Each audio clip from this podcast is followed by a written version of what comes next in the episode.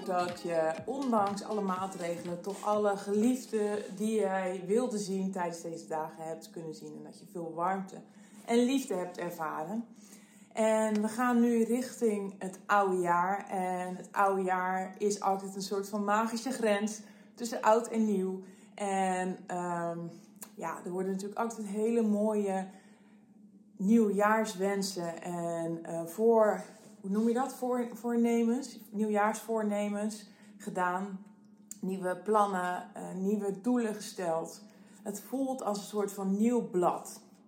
Ja, eigenlijk is het natuurlijk onzin, want of het nou 1 januari of 1 december is, je kan natuurlijk elke keer opnieuw beginnen uh, met het stellen van je doelen en het naleven van je ideale leven. Maar dat terzijde.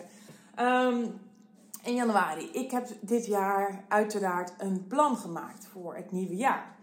En ik dacht, ik denk dat het handig is voor jou dat ik, uh, mocht je hierin geïnteresseerd zijn natuurlijk, uh, je meeneem in hoe ik mijn doelstellingen stel voor het nieuwe jaar. En um, allereerst vind ik het ook heel belangrijk om even in te tappen uh, bij mezelf. Dus niet gewoon keiharde, cijfermatige doelstellingen stellen. Maar eerst eventjes in te voelen, hoe voelt het op dit moment voor mij? Voel, het voelt het alsof ik nog op de goede rit ben. Uh, op in de goede richting aan het lopen ben, ben. Is dit nog precies waar ik wil zijn? wil ik groter? Wil ik kleiner? Wil ik meer? Wil ik minder? Ik voel het. En dat doe ik door middel van het doen van een visualisatie of een zelfhypnose of ik uh, doe een meditatie. Dat kan op heel verschillende manieren. Uh, maar belangrijk is dat je voelt of je op de goede weg bent. En uh, dat je ook voelt waar je naartoe wil. Hoe ziet het eruit rond deze tijd? In 2022. Waar sta je dan? Wat doe je dan? Hoe zie, ja, hoe zie jij eruit? Um, hoe zit jij in jouw bedrijf? Welke uh, kansen heb je gegrepen? Welke kansen heb je gehad? Um, gewoon het helemaal voor je zien als een film. En wanneer je dit voelt, dan voel jij ook welke stappen jij te nemen hebt in het nieuwe jaar. En dat is altijd mijn uitgangspunt van een doelstelling. Een doelstelling uh, alleen puur op papier zetten werkt voor mij niet omdat ik hem niet voel. Het is heel belangrijk dat jouw doelstelling voor je bedrijf verweven is in jouw hele leven. Dus hoe ondersteunt jouw bedrijf jouw leven? Hoe ondersteunt jouw bedrijf jouw geluk? Um, ja, is het zo dat jij afgelopen jaar misschien te veel gewerkt hebt? Hoe kan je er dan voor zorgen dat je minder werkt, maar toch hetzelfde omzet binnenhaalt? Of misschien kun je je omzet zelfs vergroten met minder uren werken. Hoe kan je dat voor elkaar boksen? Heel specifiek je doelstellingen voelen. En voelen waar je naartoe wil, welke persoon je wil zijn.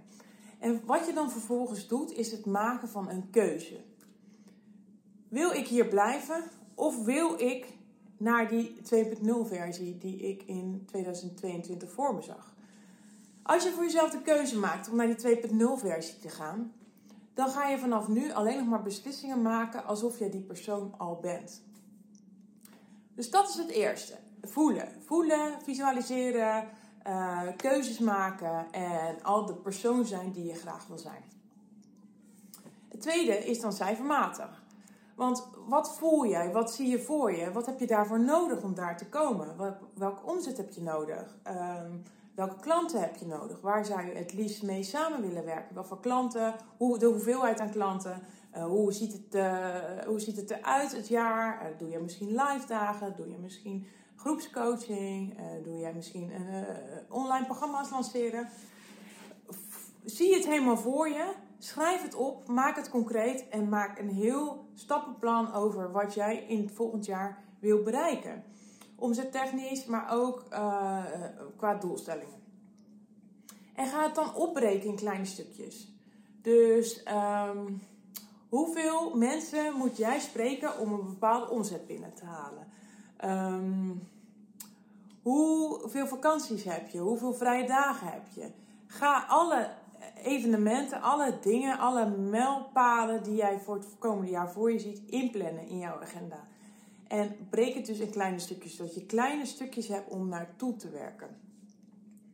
Um, Dus dat is heel globaal hoe ik mijn, uh, ja, mijn plan voor 2022 heb gemaakt. Ja, dat is natuurlijk heel kort, in een hele kleine notendop, hoe dat eruit ziet. Dat is natuurlijk een veel langer proces. Um, wat ik ook daarnaast nog doe, naast het voelen en het voor me zien, het maken van cijfermatige doelen voor mijn bedrijf en het opbreken in kleine stukjes, is dat ik ook persoonlijke doelstellingen stel. En die persoonlijke doelstellingen uh, die verwerk ik in een vision board.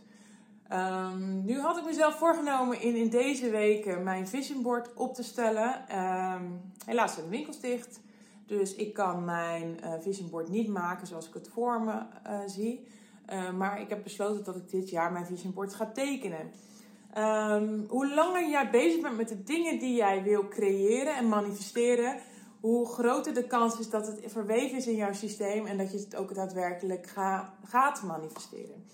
Het grappige is dat ik mijn vision board altijd volledig manifesteer. Ja, behalve dan de, de lange termijn doelen die erop staan. Ik heb bijvoorbeeld erop staan dat ik ooit een, een huis wil met een hele grote glazen serre. Waar ik dan mijn klanten kan in, kan ontvangen.